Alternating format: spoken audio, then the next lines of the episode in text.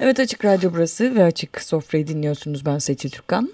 Ben Bülent Çek. Teknik Masa'da Barış Demirel'le beraberiz bugünkü yayınımızda. Geçtiğimiz hafta fibronileri konuştuk burada. Türkiye'nin de içine sürüklendiği krizden bahsettik. Avrupa'da raflardan geri çekilmişti zehirli yumurtalar. Türkiye'de de rastlanmıştı. Bir kayıt programı olduğunu söyleyelim. Herhangi bir gelişme varsa o yüzden şu anda size aktaramıyoruz. Ee, tam da bu yüzden bugün konuşacağımız mesele kitaplar olacak. Bambaşka bir gündemle karşınızdayız. Evet.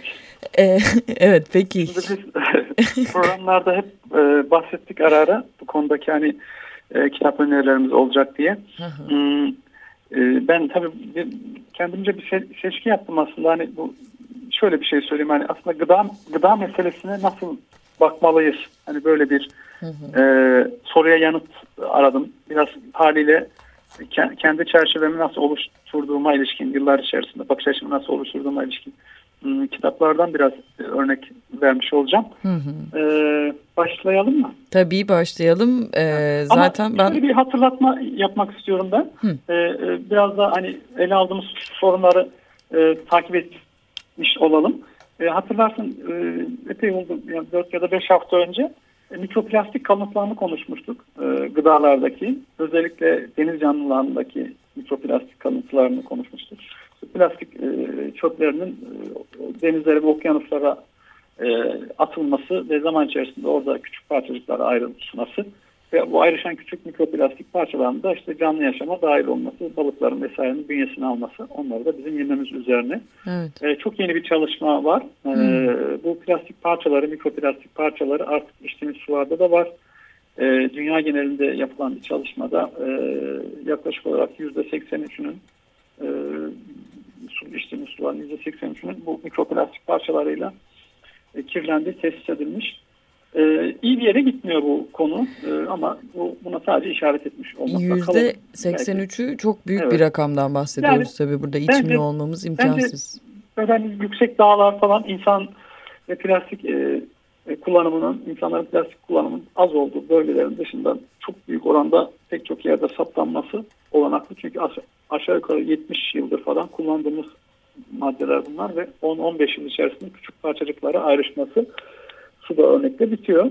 E, velhasıl bu büyük bir problem. Buna sadece biz eşardı gıdalara, sularda artık böyle bir enteresan, e, hiç daha önce asla gelmemiş bir kalıntı e, problemiyle yüzdeyiz. Genellikle de bir şeyler yaparız da yaptığımız şeylerin sonuçlarını anlama konusunda insan türü olarak epeyce başarısız bir tür olduğumuz da söylenebilir. Evet devamlı Peki. düşünemiyoruz. Şişelenmiş su tartışmasından da çıkabilir e, artık o zaman tartışma yani e, ne bileyim eskiden musluklardan akıyordu insanların içtiği sular çeşmelerden sular akabiliyordu örneğin kamusal alanlarda hiçbirinin olmadığı bir yerde en azından açık radyo içinde bir şişelenmiş su e, tartışması yürütülebiliyor su hakkı programı vesilesiyle ve başka platform platformlarda şöyle, da ama artık evet, konu evet. ondan da başka bir tarafa doğru gitti gibi gözüküyor değil mi? Ya şöyle bir şey yani basit bir genelleme yapacağım. Hani e, gıda meselesinin ticarileşmesi suyu da tabii bunun içerisine katarak konuşuyorum.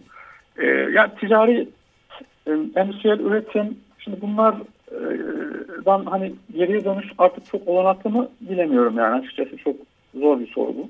Hı hı. Ama yani geldiğimiz noktada e, yapılan faaliyetlerin endüstriyel faaliyetlerin açığa çıkan atıklar özellikle yani atıklar meselesi, sosyal maliyetler, çevre için yaratılan sorunlar bunları dikkate almayan bir ticari faaliyet var. Ve bu tip ticari faaliyetlerin aslında artık bir suç olarak tanımlanması bile bir tartışma konusu akademik çevrelerde. Örneğin, örneğin e, Fransalı e, Antigo Menü e, isimli bir bilim insanı e, bu toksik atıklar meselesinin e, ve üretilen toksik atıkların doğal hayata, çevreye bu kadar kolayca saçılabilmesinin e, bir ceza suçu olması gerektiğini yıllardır savunur. Ama bu upuzun bir tartışma. Buna başka bir programda de, değinmiş olalım istersen. Tabii tabii. Yine bu kitap, kitaplara Bugün güzel bir konu demiştik. Kitaplarla devam edelim biz tekrar en iyisi. Şimdi bu gıda meselesine nasıl bakacağız? Yani ben tabii kendi bakış açım üzerinden bir çerçeve çizeceğim. Ee, öncelikle şeyi söylemek istiyorum. Olabildiği kadar çerçeveyi biraz geniş tuttum ben. Hani böyle bir e, tarih biyografine başlarsın işte ya 14 milyar yıl önce 15 milyar yıl önce işte bir, büyük patlamayla evren başladı falan hani oralara gider.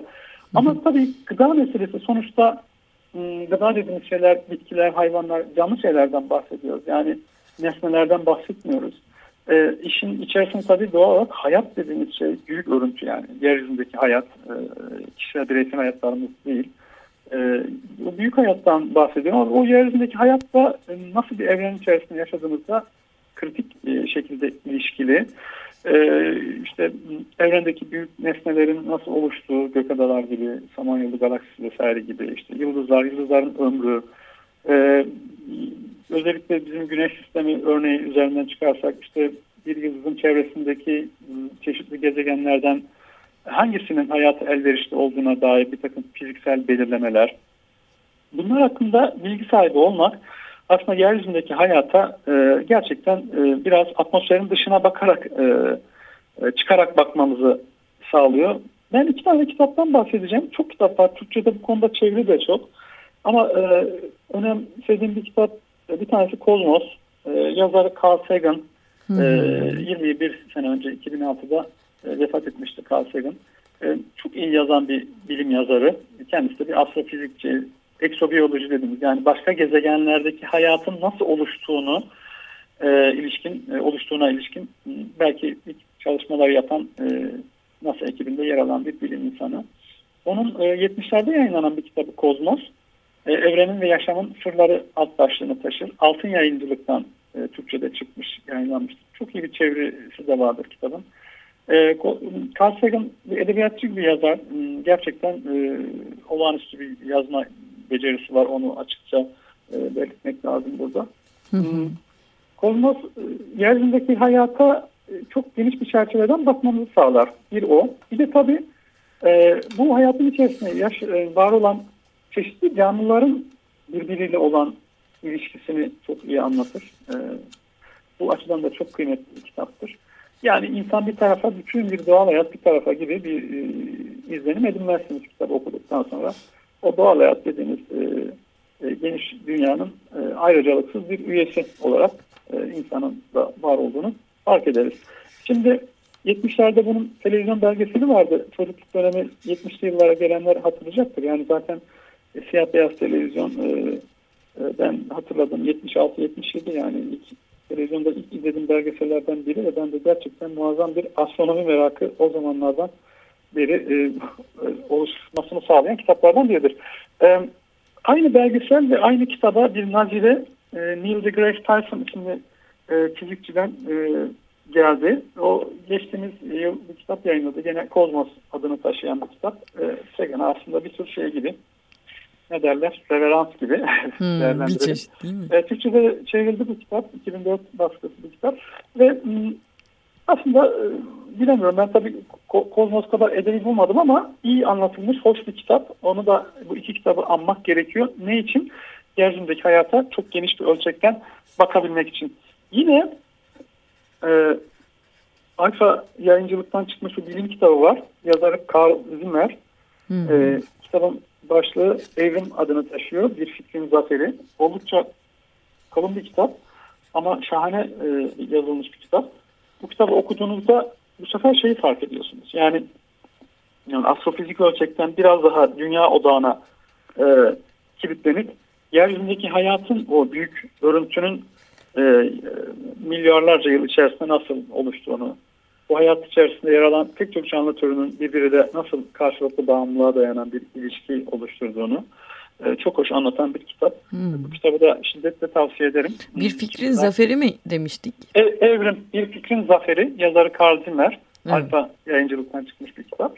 Hmm. Ee, bir başka kitap bence çok önemli. Özellikle yani bu endüstriyel gıda sisteminin özellikle de endüstriyel hayvancılık sisteminin nasıl bir tahribata yol açtığını e, anlamak için bence çok kıymetli bir kitap. Ama bu konuda mesela çeşitli kitaplar var. Yine bu endüstriyel hayvancılık e, meselesini anlatan e, ve hayvan hakları meselesine bir e, problem haline getiren. Örneğin Jeffrey Masson'ın Paloma yayın evinden çıkan tabağındaki yüz kitabı var. Çok iyi bir kitap. Hmm. E, kalemi de çok kuvvetli bir yazar Jeffrey Masson.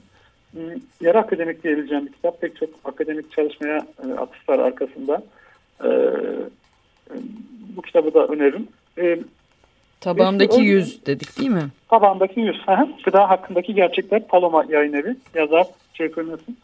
E, Jeffrey Nelson'ın yazdığı kitap e, aslında neden e, bir e, vegan beslenmeye geçiş yapmamız gerektiğini, e, endüstriyel hayvancılığın nasıl ağır bir e, ekolojik tahribata yol açtığına ve aynı zamanda da hayvan haklarına, hayvan sağlığına, hayvan refahına nasıl ciddi bir e, saldırı olduğuna dair çok e, ciddi değerlendirmeler içeren bir kitap. Ama biraz da e, insan-hayvan ilişkisi üzerinden meseleye bakan, yani aslında biraz böyle hani psikolojik bir bakış açısıyla meseleyi ele alan, hem psikolojik hem felsefi. E, biz de onlar başlığını taşıyan bir kitap. İletişim yayınlarından çıkmış bir kitap. Leslie Irving yazarı. Biz ve onlar hayvanlarla bağımızı anlamak. Burada Biz ve onlar değil bahsederken mi? çeviri yapanların da ismine değinmedik. E, ayıp oldu. Onları da e, söyleyelim baştan. Fatih Çağlayan'ın çevirisi. En azından bundan sonrasını yapalım. E, iletişim yayınlarından çıkmış kitap. Bu kitap çok güzel. Yani e, insan kendisini e, haliyle dünyadan ayrıştırıyor. Yani içinde yaşadığımız doğal hayat bizi çepeçevre sarıyor ve biz ve hayat ayrımını yapıyoruz. Biz de doğa ayrımını yapıyoruz. İnsan ve doğa ayrımını yapıyoruz ama yani bu ayrımlar e, aslında çok e, üzerinde düşündüğümüzde e, kurgusal şeyler yani bakış açımızdan kaynaklanan biraz da meseleleri belki anlamamızı kolaylaştıran, kolaylaştıran ayrımlar. Bir başka kitaptan hemen bahsedeyim. Yine bu hayvan hakları, gıda üretimi üzerine e, oldukça kült bir kitap aslında. Amerika'da e, çok tartışma yaratmış bir kitap. E, Michael Pollan yazarı Pegasus yayın evinden çıkmış bir kitap. Etobur, Otobur ikilemi başlığını hmm. taşıyor. E, çevresi İlke Önerge'nin. E, yani ben çevreyi biraz bazı yerlerde çok aksa, aksadığını düşünüyorum. Yani o, onu da burada söylemiş olayım. Ama çok iyi bir kitap bu. E, gıda meselesine e, iyi bir yerden bakmamızı sağlıyor en azından doğru bir perspektiften diyebilirim. Etobur, evet. otobur ayrımı mıydı? İkilemi. İkilemi değil mi? Yazarı Michael Pollan, Pegasus yayın evi. ee, şimdi tabii tarım sal üretim ya da tarım yapma e, gıda üretimimizde e, çok kritik önemi olan bir şey. Aslında insanların belki e, varoluşu üzerinde en etkili şeylerden bir tanesi. Tarım yapmak, işte yerleşik bir hayata geçmeyi mümkün kıldığı medeniyeti, kentleşmeyi pek çok şeyi tarımla bağlantılandıran bakış açıları var. E, doğru da buluyorum. Şimdi bu konuda çok e, kapsamlı bir kitap çevrildi Türkiye'ye e, 2007'de. Epey eski piyasada var mı hala bilmiyorum ama ben ismini anayım. E, Epos, Epos yayın evinden çıkmış bir kitap bu. Dünya Tarım Tarihi Neolitik Çağdan günümüzdeki krize başlığını taşıyor. Marcel Mazuye ve Lawrence Schroeder'ın kitabı. E, çevirisi Şule Ünsal'ya ait. Bu kitap aslında bir tür tarım tarihi ama çok iyi yazılmış. Yani teknik bilgilere çok iyi yer vermiş. E, e, hem bir tarih hem de bir teknoloji tarihi gibi, tarım tekniklerinin hmm. tarihi gibi e, okumak mümkün. E, şiddetle tavsiye ederim bu kitabı da. Hmm. Biz çok özür diliyorum. Ne kadar vaktimiz kaldı acaba? Ee, bizim bir 10 dakikamız daha var. Ha, Onu süper. da söyleyebiliriz. Tamam. Evet zamanımız ee, var. Bir de tabii e, şey kitaplar var. Böyle belli bir konuyu ele alan e, tematik kitaplar var. İşte kahvenin tarihi, çayın tarihi gibi. Hmm. E, özellikle kahveyle ilgili benim hani çok severek okuduğum bir kitap ve çok da edebi bir dille yazılmış bir kitap. E, Beşir Aymazoğlu yazarı. E, kitabın adı Kahveniz Nasıl Olsun? E, Türk kahvesinin kültür tarihi alt başlığını taşıyor. Hmm. E, Kapı Yayın Evi'nin e, bastığı bir kitap. Kahveniz Tabii, nasıl olsun? E, gıda maddelerinin e, bir, bir tarihe sahip olduğunu e, şüphesiz yani her nesne olduğu gibi e, unutmayalım ama bu tarih tabii bir yandan da pek çok açıdan da e, ele alınması lazım. Yani e, işte etimolojisi, e, bir takım gıda maddelerinin e, çeşitli kültürlerde hangi isimle anıldığı, e, geleneklerin e, yani gıda maddelerini nasıl hazırladığımız, yemeği nasıl hazırladığımız, e, yani mutfak kültürleri dediğimiz şeyin, bunun farklılaşması kültürden kültüre, e, bir takım yemeklerin m, ya da pişirme tekniklerinin kültürden kültüre aktarılması. ve bu tip şeyler okumak hoş. İşin hani gastronomi dediğimiz e, disiplin hem mutfağın tarihi hem kültürel çalışmalarla ilgili alan. E, çok da ufuk açıcı evet. bir kitap e, olarak bunu tabii köşeye koyalım. E, şimdi tabii gıda meselesi bize dile getiriyoruz. Bu, aslında bir şeydir, e, politik bir meseledir diye. E, insanın ne yediği politik bir meseledir. Doğru. Ve sıklıkla da ekolojiyle olan hani ilişkilerini mesele yapmaya çabalıyoruz gıda üretiminin ya da o bağlantıları ortaya koymaya çabalıyoruz. Burada önerebileceğim bazı yayın evleri var. Bu konuda gerçekten seri kitaplar basıyor arka arkaya. O Hı. yayın evlerini anacağım sadece. Bir tanesi e, Yeni İnsan Yayın Evi. Gıda evet. konusunda, tarım konusunda pek çok kitabı var. Yani o yayın evinin sitesine gidip bakmak lazım oradaki kitaplara.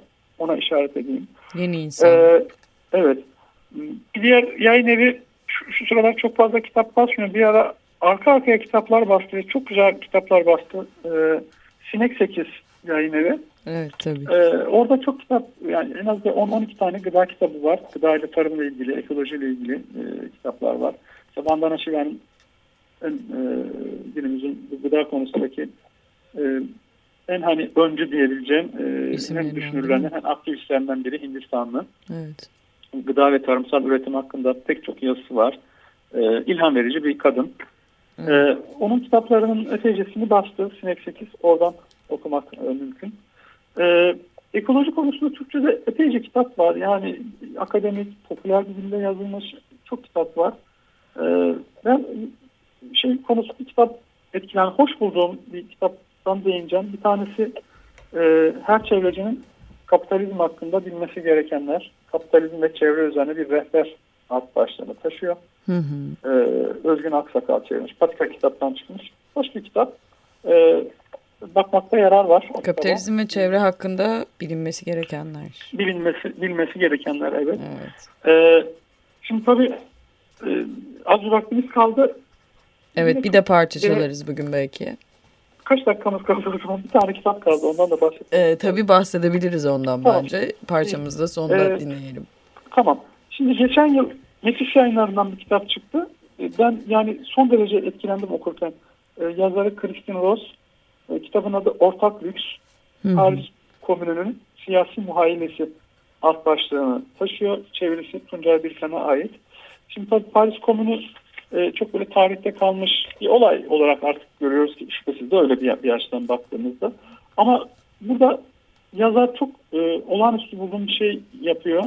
E, yani Paris Komünü'nü hmm, nasıl söyleyeyim hem öncesi hem olayın gerçekleştiği zaman ve bir de sonrası hepsini böyle birbirine paralel bir şekilde ele alıyor. Ve e, orada şeyi fark ediyorsunuz yani bir yandan aslında insanlığın ya da medeniyetin e, ne kadar evvelden böyle hani ne diyeyim e, sonu çıkışsız bir yola girdiğini özellikle hani bunu vurgulamak lazım e, gösteren bir kitap. Bir yandan da çıkış yollarına da e, işaret eden bir kitap. E, orada Tabii. mesela bir, bir cümle var. Bu ortak lüks sözcüğünün de aslında e, şeyini anlatıyor. Neden kitaba ortak lüks adını verdiğini. Çünkü e, oradaki insanların muayenesi ya da tahayyül dünyası e, şöyle bir şey. Kitaptan e, bir cümleyle e, e, özetleyeceğim. Biraz da bizim şu an içinde olduğumuz hayata da çok işaret eden yanları var. E, mesela şu mevcut sistemde bolluk dediğimiz şey e, mal bolluğu, nesnelerin bolluğu ama e, buna erişim açısından baktığımızda bu, bu bolluk yani bir tür e, varlıklı kesimin için faydasız bir lükse işaret ediyor. Christian Rose'un deyimiyle. Ve üst üste yığıldıkça Mısır piramitlerinden daha yükseklere çıkan bir mamül dağları ya da nesne dağları anlamına gelebiliyor bu bolluk. Ve şöyle bir cümle var kitapta diyor ki hali hazırdaki sınıf sistemini finanse eden ziyankarlık vergisinden kendimizi bir kurtarabilsek aşırı üretim ortasındaki yoksulluğa son verdiğimiz gibi pratik olanla güzel olan, faydalı olanla şiirsel olan, kullanılan ile kıymet verilen arasındaki bütün sahte karşıtlıklara da son verebilirdik. William Morris'in bir tür kölelik olmaksızın var olamayacağını iyi bildiği anlamsız lüksün yerini ortak lüks yani bollukta eşitlik alırdı. Yani bu şu bir tür kölelik olmaksızın var olamayacağını iyi bildiği anlamsız lüks yerine ortak lüksü yani herkes için bir takım e, hayatta kalmayı sağlayacak e, nesnelerin, maddelerin ulaşılabilir olması durumunu. Mesela yapay et mevzusu üzerine aslında konuşmak son derece ilginç olabilir. Evet. Çünkü bir tür kurtarıcı e, gibi adlandırılıyor yapay et üretimi laboratuvarda. Tam da Ama geçen öyle, hafta değil öyle, mi? öyle değil. E, buna da başka bir programda bakalım. Ve insanların da gerçekten en azından ihtiyaçlarını, temel ihtiyaçlarını, hayatta kalmalarını sağlayacak ihtiyaçlarını karşılayabildikleri bir e, hayatın e, var olması umudunu korumak üzerinden ne diyelim çabalarımızı sürdürelim. Evet zaten bu çabayla yaşıyoruz gibi gözüküyor. Yani orada sesler kısılsa da o umut hep baki. Laboratuvarda yüzde yüz gerçek et üretildi. Ee, ama işte e, ne olacak bilmiyoruz. En azından şirket şimdilik söylediğine göre 30 yıl içinde hiçbir hayvanı öldürmek zorunda kalmayacağız diyor. Ama mesele tam da bu mu? Ee, tartışılır belki de. Evet Bunu bugün tartışalım. e, evet Hemen, hemen yani atlamadan aklıma gel, geldiği için söyleyeyim. Tam aksine yol açacağını söyleyeyim ben hemen. Hmm. Yani bu üretim faaliyetinin daha fazla hayvanın e, yok olmasına, teknolojiye olan bağımlılığın had safhada artmasına ve e, teknolojik faaliyetlerin yol açtığı ekolojik yıkımın daha da katmerlenmesine neden olacağını düşünüyorum. Bunu da başka programda ele alırız. Evet bu bayağı derin de bir konu olacak. Pek çok tarafı var konuşmak için heyecan verici bana kalırsa. Temiz etin %100 gerçek et tadı verdiği söyleniyor. İşte ama bu mümkün mü? Üstelik milyon dolarlık bağışlar toplanmış bunun yapılması için. Ee, göreceğiz neler olacağını ama e, burada konuşacağız bu meseleyi de. Şimdi 11 Eylül pazartesi günü gazetecilere özgürlük davası, Cumhuriyet davasının ikinci duruşması böyle adlandırmak lazım belki. E, bugün de devam ediyor olduğunu tahmin ettiğimiz üçüncü günü. E, hepsini istiyoruz diyor bütün gazeteciler. Hepsini istiyoruz hakikaten de. Eklemek istediğin bir şey var mıdır Bülent Evet, senin de? şey söyleyeyim tabii biz şimdi programı e, ben Antalya'da yaşadığım için banttan yapmak zorunda kalıyoruz. Evet. Umarım e, e, bu programın yayınlandığı tarihte e, bu duruşmalar sona ermiş ve arkadaşlarımız e, ve benim kardeşim Ahmet Çık salınmış olur. En Evet. büyük dileğimiz o diğer gazeteciler için de elbette. Evet. E, Bunun ama tabii kolay olmadığını da bir yandan e, biliyorum. Göreceğiz. Evet, her dönemin tutuklusu Ahmetçik bir taraftan aramızda konuştuğumuz şeylerden bir tanesi. Ee, bu başka bir gazetecilik yani o gazeteciliğin aslında iyi olduğuna işaret. Konuşacak çok fazla şey var elbette. Ama bugünlük biz sadece kitapları konuştuk. Dinleyicilerimiz merak edeceklerdir diye tahmin ediyorum. Kaçırdığınız kitaplar da olacaktır burada. Tabii şöyle bir şey de var. Aslında zaman kısıtlı olduğu için çok adına değinebildiğim kitapların yani daha söz edilmesi gereken pek çok kitap var ama hatta sonlara doğru yayın evlerine artık işaret eder hale geldi. Evet. Merak celbedecektir yani çok fazla olmasa da epeyce gıda ile ilgili, gastronomi ile ilgili kitap bulmak mümkün. Türkçe. Evet biz de açık sofraya en azından elimizdeki listeyi e, yazarız açık sofranın e, blog tarafına. Onu söyleyelim sizlere. Bu haftalık da sonuna geldik bu programın. Burada yapay et de konuşacağız. Önümüzdeki hafta olacağını tahmin ediyoruz. Bizi başka bir skandal beklemezse eğer. Çok teşekkür ederiz Bülent. E, bugünlük bitiriyoruz programımızı. Tamam. Ben Seçil Türkan. Ben Bülent Çık. Tek Masa'da Barış Demirel'le beraberdik bugünkü yayınımızda. Açık Sofra'dan bugünlük bu kadar. Şimdilik hoşçakalın. Hoşçakalın.